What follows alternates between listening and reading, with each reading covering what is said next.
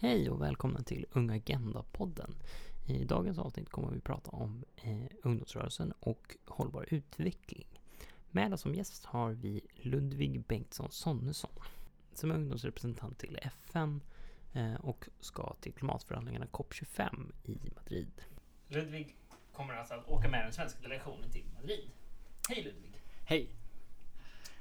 Eh, idag ska vi prata om dina tankar och förhoppningar inför COP25 som numera går i Madrid.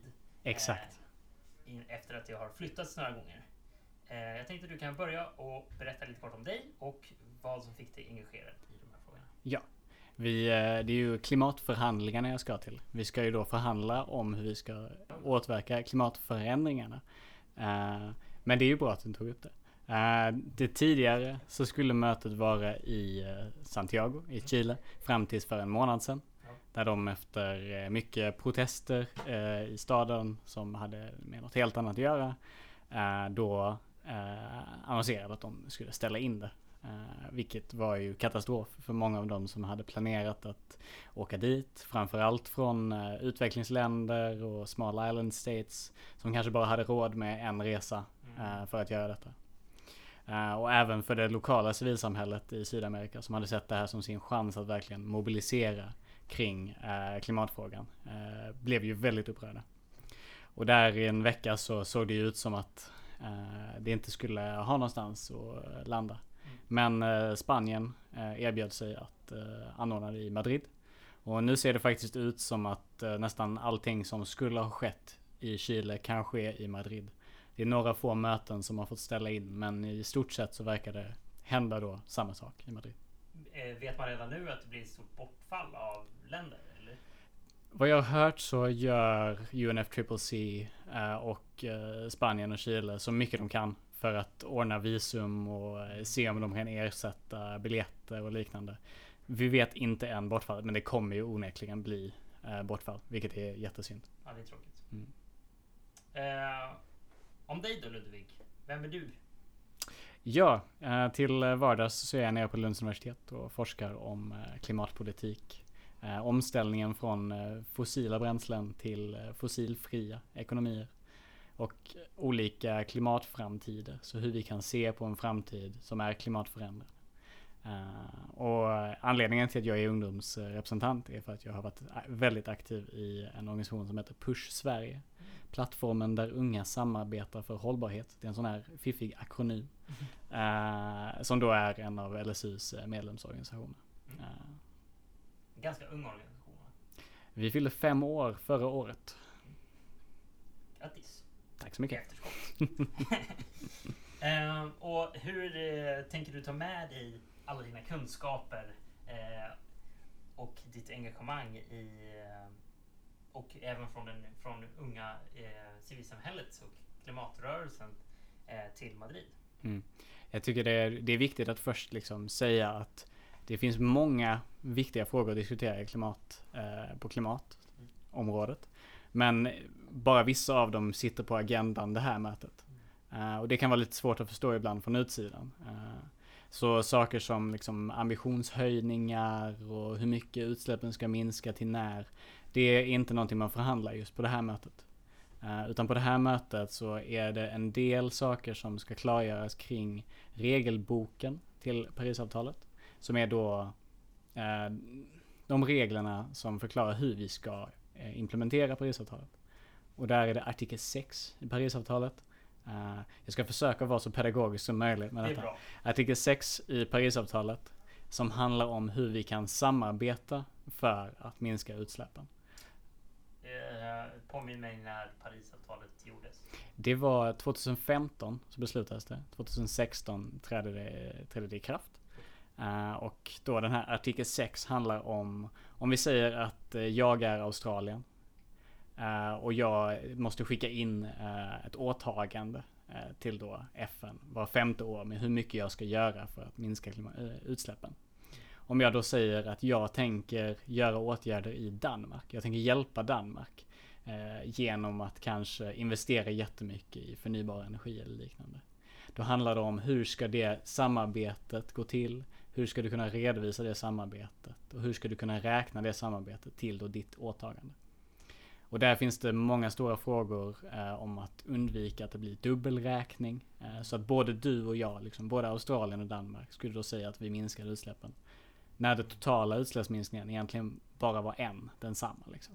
Så det är någonting som förhandlas nu, eh, som är superviktigt. Och om det blir ett bra regelverk så kan det vara jätteanvändbart för att eh, minska de globala utsläppen. Spännande. Är det enbart det man ska diskutera nu? Nej, men det är den stora delen som är kvar av regelboken. Okej. Eh, som förra årets COP-möte? Liksom. exakt eh, fokuserade mycket på. Eh, man kommer också prata om de här åtaganden som skickar in. Huruvida de ska ha samma tidslinje. Eh, man, har nu, man bestämde i Katowice förra året att de skulle ha en gemensam tidslinje. Nu handlar frågan om vilken tidslinje är det? Är det att vi lovar saker vi ska göra de kommande fem åren, de kommande tio åren? Uh, för i Parisavtalet så finns det en skrivning om att varje ny åtagandeperiod måste vara mer ambitiös än den förra. Mm. Så då ter det ju sig rätt uh, solklart att om det är en femårsperiod så måste man varje fem år göra mer ambitiöst åtagande. Ah. Så eh, vi är väldigt intresserade av att fem år eh, blir en åtagandeperiod. många andra kanske inte vill det. då. Det finns vissa andra som inte vill det, nej. Eh, speciellt eftersom att åtagandeperioden är ju, de uppdateras ju var femte år.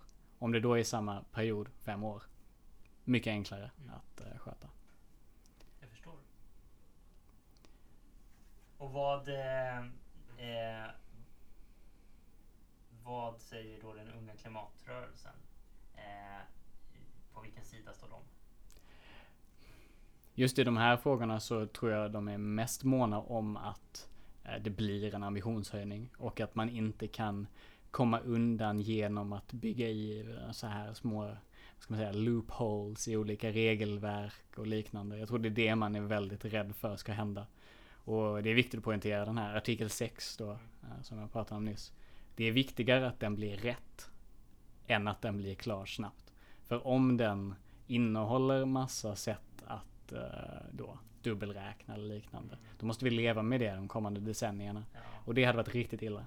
Så det handlar verkligen om att säkerställa ett bra regelverk där. det går inte att revidera det sen. Det, är nu det gäller. Nej, det är inte riktigt så det funkar eh, tyvärr. Det blir inte COP 35 och så kan man gö- göra om det där. Nej, tyvärr. Nej. Men eh, alltså, unga i allmänhet vill ju att det ska gå snabbare och att vi ska vara mer ambitiösa, vilket verkligen, det måste hända. Och 2020 är ett sånt år där det kan hända. För då är den här första uppdateringen av åtaganden som görs in i Parisavtalet, sker 2020. Och där har unga en jättestor roll i att pusha på sina regeringar. För oss så blir det ju då EU, eftersom att EU har en gemensam position. Mm. Eh, att då uppdatera sina åtaganden och göra dem mycket mer ambitiösa. Och där har eh, Isabella Lövin och Sverige varit väldigt tydliga med att det ska bli en ambitionshöjning. Eh, EU eh, träffas ju i Europeiska rådet i december för att då ta ett beslut om den lång, långsiktiga klimatstrategin eh, för EU. Där det var ett väldigt stort misslyckande när de sågs i juni och inte lyckades enas om att de skulle ha nå netto noll eh, utsläpp 2050. Eh, vilket gjorde att då det här Climate Action Summit som följde på det föll lite platt. Bland annat på grund av det. Att EU inte lyckades leverera eh, ett starkt åtagande. Eh, så det är jätteviktigt att i december de gör det. Så unga kan verkligen pusha på för att det händer. Ehm, jag tänker att jag ska komma tillbaka till unga, just hur vi kan göra sen. Ehm, men vad ser du som den allra största farhågan nu då i, i... Vi har pratat lite grann om att det blir kanske ett litet bortfall av, av eh, medlemsländer som kan Mm. vara med och, och tycka till. Eh, men finns det andra utmaningar just i år som är särskilt eh, eh, svåra? Jag tror en utmaning som eh, vi i delegationen har är just att det finns så stora förväntningar och så mycket driv. Men att förståelsen för vad som förhandlas eh, inte alltid eh, finns där. Mm. Så man lägger mycket hopp till just de här väldigt specifika förhandlingarna. När det är mycket det som sker runt omkring förhandlingarna som kanske är det man ska hoppas på. De stora Heads of State-mötena där ministrar eh, träffas. Där kan man ju verkligen få till en ambitionshöjning och eh, jobba mot. Men i själva förhandlingarna så handlar det mycket om att få till väldigt specifika saker som är jätteviktiga. Men som kanske inte är just de här åtaganden om att vi ska vara eh, utsläppsfria vid ett visst datum eller liknande. Det sker inte riktigt där. Så den kommunikativa svårigheten är jag lite orolig för. Att man ska komma ut från COP och se det som ett misslyckande. Mm. Uh, när det kanske egentligen gick rätt bra. Mm. Till förhållande vad det var vi förhandlade liksom. Mm. Uh, så det är jag lite orolig för. Svårt, och, eh, svårt också att kommunicera det eh, rent publikt. Eh, jag, tänker, jag tänker liksom med hela Fridays for Future och, och den globala klimatrörelsen mm. där unga eh, från liksom väldigt ung ålder har en väldigt framträdande roll idag och det är väldigt hett. Mm. Det är väldigt eh, eh, stort fokus på. Mm. Då kan jag tänka mig att förväntningar därifrån också där man kanske vill ha väldigt tydliga det här ska göras, mm. det här ska göras innan det här och det här. Mm. Och så missar man allt det som kanske som också behöver göras runt mm. omkring och som är lika viktigt. Mm. Men de, jag, mina farhågor inför då 2020 när de här mm. eh, ambitionshöjningarna ska komma mm. är också väldigt stora. Eh, för där det finns inte reglerat inom Parisavtalet hur de här åtagandena ser ut. Det finns liksom ingen mall, inget format. De kan se ut lite hur som helst. Man kan lova lite vad som helst. Uh, och det finns ju en risk där att uh, vi ser många åtaganden som inte är särskilt starka. Uh, de åtaganden som lades 2015 i Paris motsvarar ungefär 3,4 graders uppvärmning om man modellerar dem. Mm. Vilket är nästan två grader mer än vad Parisavtalets ambition är. Mm. Så de var ju helt otillräckliga. Mm. Och jag, jag, är rätt säker på att vi kommer få ambitiösare åtaganden. Uh, men de måste verkligen vara ambitiösa nog. Uh, Inte tillräckligt ambitiösa kanske? Det är mycket möjligt, ja. Okay, vad har Sverige för utgångspunkt då? I, i, dels i att mot kanske för att, för att eh, minska de här farhågorna som du eh, nämner, men också för att eh, eh driva på den här ambitionshöjningen tillräckligt mycket? Alltså Sveriges utgångspunkt är ju verkligen att på något sätt sprida det som Sverige redan har gjort, vilket absolut i min mening inte är tillräckligt. Uh, I att vi har ett mål om att vara klimatutsläppsneutrala 2045 och att vi har de här färdplanerna för hur industrierna ska ställa om. Och en del som Sverige gjorde på det här Climate Action Summit var att starta en industriomställningsgrupp, ledarskapsgrupp, som då även kommer ha sitt första high level meeting i Madrid eh, på COP. Som då handlar om hur man ställer om stål, betong, eh, transport, eh, den typen av tunga industriutsläpp eh, till att bli utsläppsfria. Eh, så det kommer ju vara en prioritering från Sverige verkligen. Och det jag pratade om tidigare med dubbla, dubbel eh, räkning och att höja ambitionerna är definitivt också eh, viktigt. Sen eh, ska också jämställdhetsplattformen eh, uppdateras. Vilket är en annan sån nyckelfråga som Sverige tänker lägga mycket vikt på. Eh, I, i förhållande då till, till klimat? I förhållande till klimatfrågor och deras implementering. Eh, det börjar men man ska minska utsläppen och det är det centrala perspektivet i eh, UNFCCC, FNs klimatkonvention. Men man börjar också ta in andra perspektiv på hur detta ska göras. Så förra året så var en eh, just transition, en rättvis omställning, något som Polen verkligen betonade. Att då de som tidigare har jobbat inom eh, fossila industrier, att de ska ha rätt till arbete och även att de som drabbas hårdast av klimatförändringarna ska då hjälpas först. Och de aspekterna. Mm.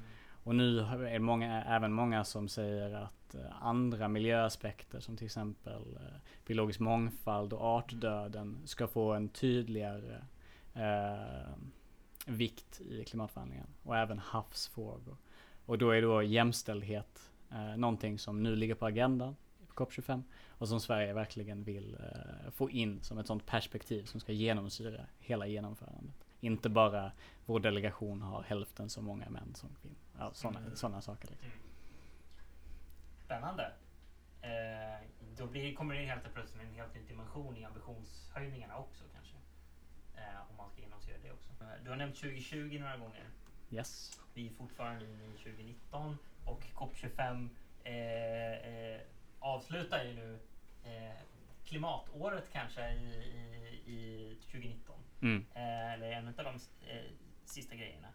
Eh, vad händer då efter eh, COP25 nu i Madrid?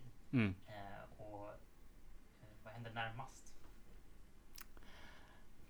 Menar du de internationella förhandlingarna? För klimatet, eh, det händer mycket på Klimat- klimatfrågan. Klimatet, eh, vi, kan, vi kan ta lite grann på, eh, på kanske alla tre perspektiv. Lite mer lokalt och då tänker jag det svenska. Mm. Om du har några spaningar där. Vart är, vad, vad blir nästa steg för, för Sverige i de här Mm. frågorna? Eh, också i sin egen omställning. Eh, men vad händer också eh, globalt, internationellt? Mm. Och i lite grann så vad händer klimat eh, specifikt närmaste Mm.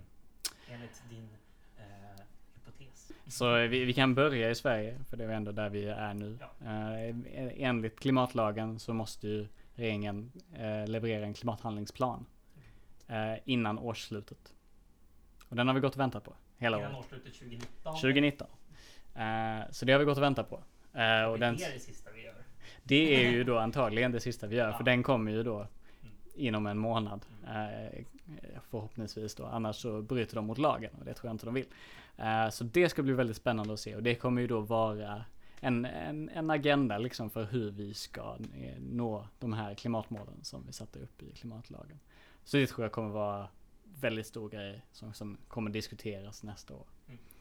Eh, på internationella perspektivet så de här eh, åtagandena eller NDCs som heter Nationally Determined Contributions. Mm. Det kommer vara det som är 2020 eh, på internationella planen.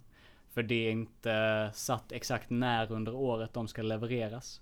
Och vi är väldigt måna om att de levereras så tidigt som möjligt på året. Så att man då fram tills COP26 i Glasgow i slutet på nästa år kan pusha på för att de ska bli eh, ännu mer ambitiösa. För det är liksom under året ska de fastställas. Så det finns lite svängrum där. Eh, och förhoppningen är ju att i COP26 så har vi alla liksom på papper och att de är jätteambitiösa. Eh, Tror du det kommer ske? det kommer alltid vara folk som inte levererar tror jag. Jag tror att vi kan inte hoppas på att alla lämnar in en jätteambitiös åtagande nästa år. Men jag menar, jag tror definitivt att det finns i korten att eh, spelare som EU eh, lägger fram en ambitiös NDC tidigt nästa år och att det pushar många andra stora eh, länders NDCer åt rätt håll. Mm. Eh, Som andra kan anamma liksom? Exakt, alltså det, det är ändå EU är ändå en väldigt stor både liksom marknad och player i de här eh, sammanhangen. Så att EU vågar sätta vissa mål ger ju förtroende, eh, självförtroende till andra länder att göra liknande. Eh, och som sagt, det var det som misslyckades i New York bland annat. eh. Eh, och klimatmässigt? Klimatmässigt Mm. ska jag bli någon slags väderreporter här. Alltså. Nej men... det, det är eh, svårt kanske att säga vad som händer med klimatet nästa år. mm. Eh, men eh, Vi hade, vi hade en diskussion i morse om huruvida eh, utsläppskurvan kommer eh, böjas, man ska säga. Om vi kan se en, en avstanning av utsläppshöjningarna 2020. mm, Det hoppas jag. Tror inte riktigt det, men jag hoppas. Vi ska göra allt för att det ska hända. För i nuläget så växer fortfarande eh, utsläppen. Eh, och investeringarna finns fortfarande där i fossil infrastruktur. Eh, Stockholm Environmental Institute släppte en eh, rapport igår eh, som visar på att investeringarna i kolkraft, i fossila bränslen eh, fortfarande ökar. Och att de som ligger på bordet idag resulterar i en tre graders värld. mm. Så jag kan försöka vara hoppingivande men det är verkligen, det är verkligen så läget är just nu. Att vi är långt ifrån där vi behöver vara för mig är hopp mer att vi kommer lite närmare en värld eh, som går att leva i även på lång sikt för kommande generationer. Och det är, vikt, det är värt att kämpa för varje sånt litet steg. Sen den här eh, målsättningen som sitter i Parisavtalet om 1,5 grader Mm. ser väldigt svår ut att nå just nu. Eh, och kommande åren kanske det är någonting vi får nästan acceptera. Tror du att man kommer vilja höja den då? Nej, Till det, det är inte på tal. det, det kommer man inte, det kommer man inte röra. Parisavtalet står ju två grader och siktar på 1,5. Okej. Och det tänker man inte röra utan då, då får man misslyckas istället. Nej, det kan man inte röra. Ja. Den, det, det går inte att omförhandla Parisavtalet. Eh, Det är ju så om det ska vara ett nytt avtal. Men det, det behöver vi inte. Vi Nej. har Parisavtalet, vi håller oss till den liksom. Vi, vi har redan det som, vi gör det bästa som, av som det. behöver finaliseras istället. Eh, och eh, eh, vi kommer tillbaka till, eh, till eh, unga, både, både unga civilsamhället men också eh, unga allmänhet eftersom att just intresset är så pass stort. Ser du någonting som, som både nu under COP eh, 25 men också framåt hur man kan driva på eh, opinionsbildning men också ambitionshöjningar och Mm. eh, kan man göra på ett annat sätt eller på ett mera sätt än vad man gör idag?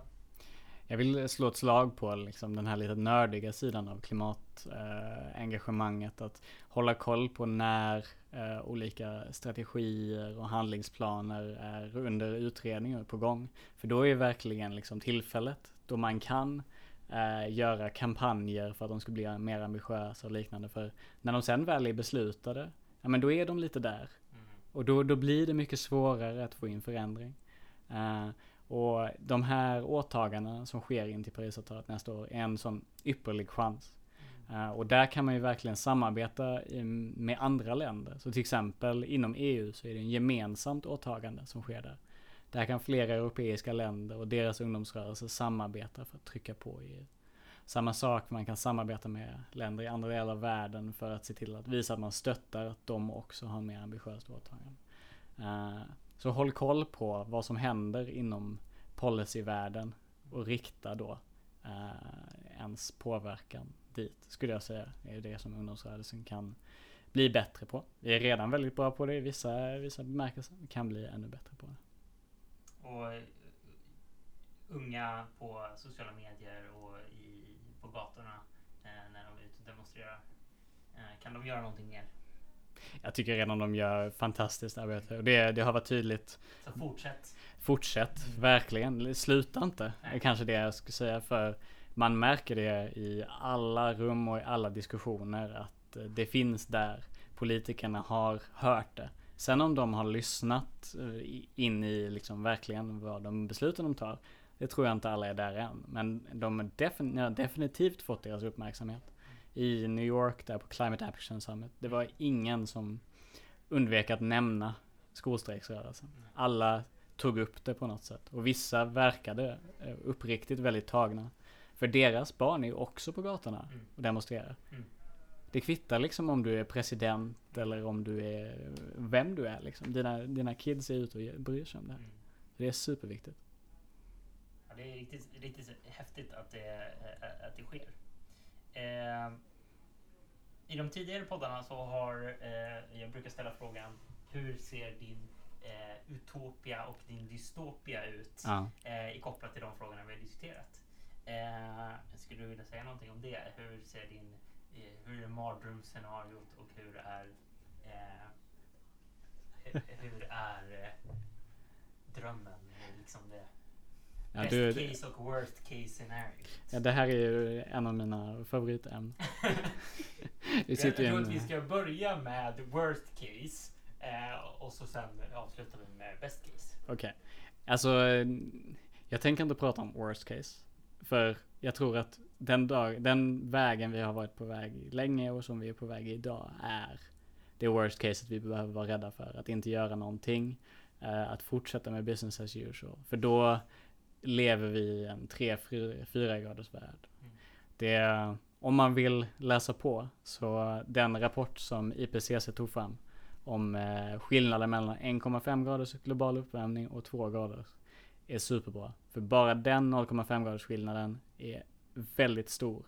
eh, i hur eh, klimatet förvärras och hur det påverkar människor och natur.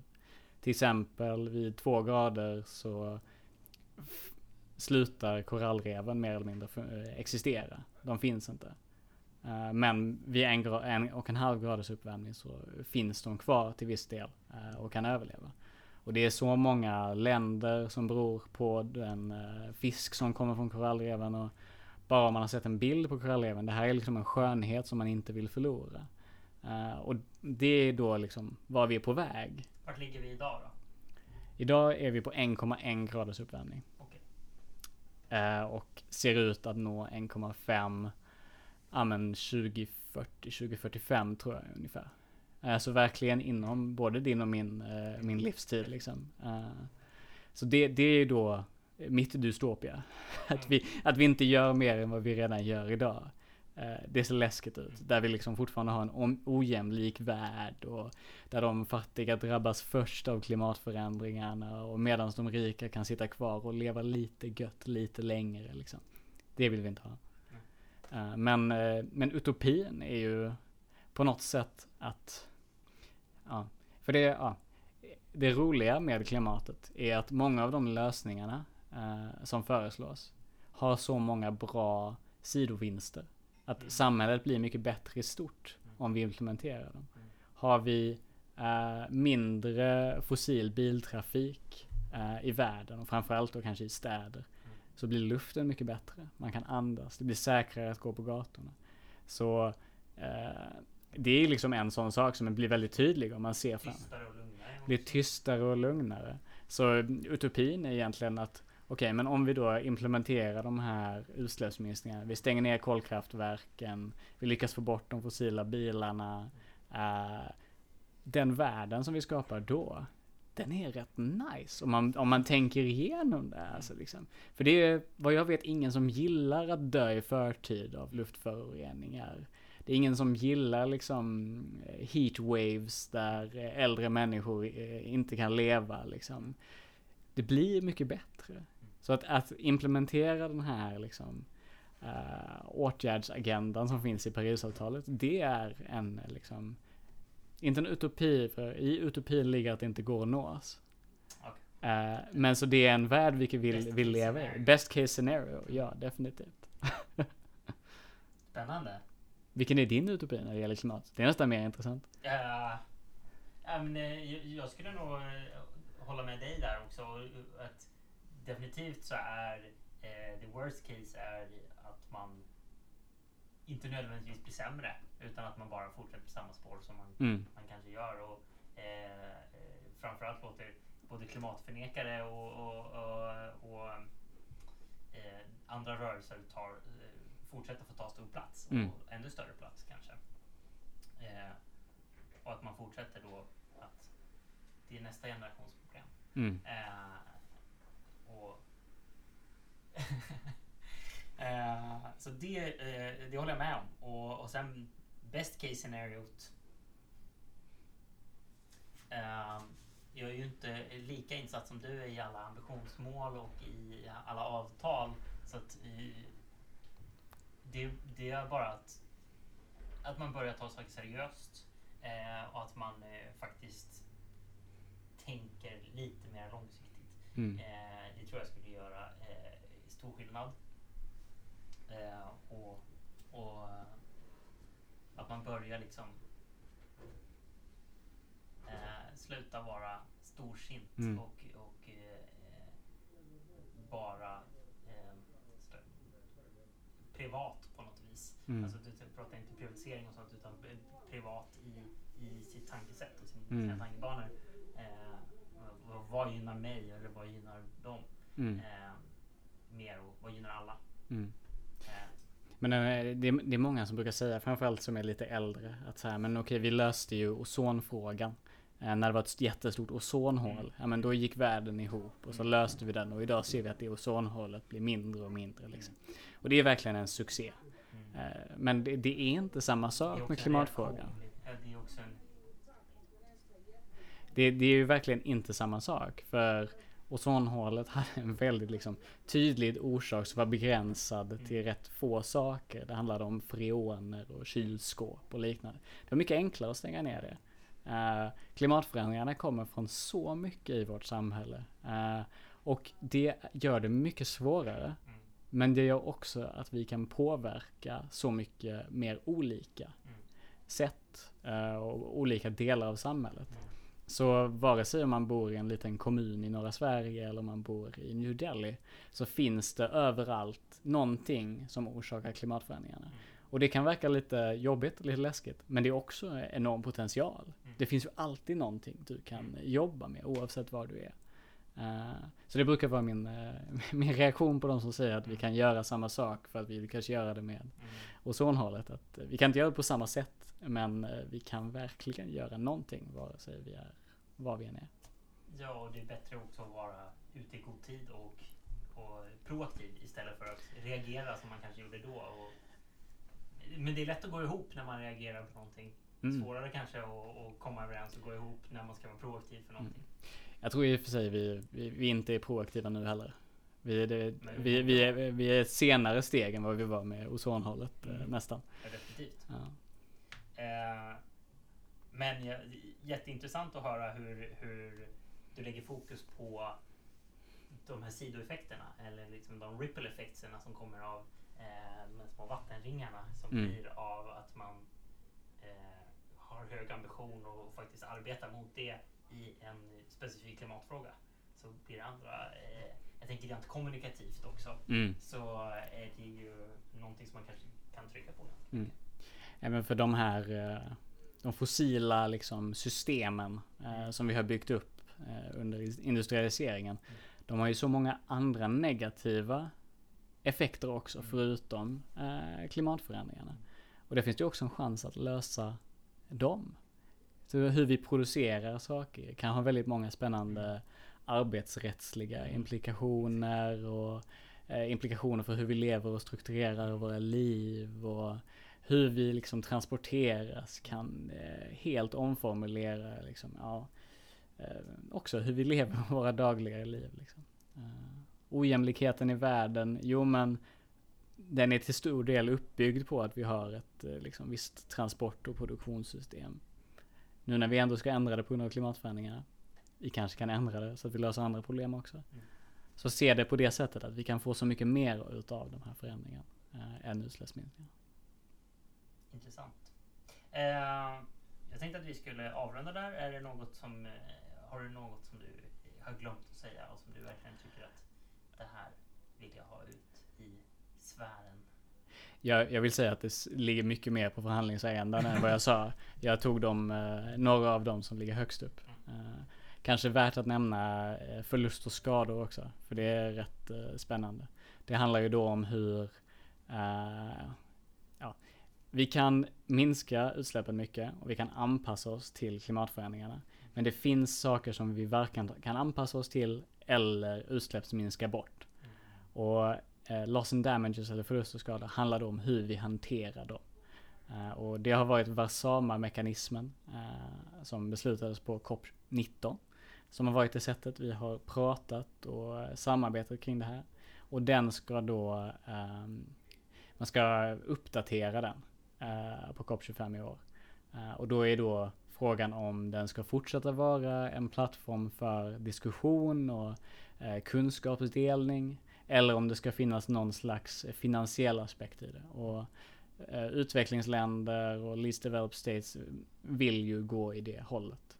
där kanske utvecklade länder inte är lika sugna på det. Så det ska bli spännande att se vad vi kan landa i det. Spännande. Eh, ja. Jag är nöjd där. Är du nöjd Ludvig? Jag är säkert nöjd. och eh, lycka till i Madrid. I Madrid då, ja. Mm. Ja, det var allt för detta avsnitt och vi ses i nästa då jag kommer sätta mig ner och prata med LSUs partnerorganisationer Rada och GoFor från Belarus och Turkiet. Vi ses då!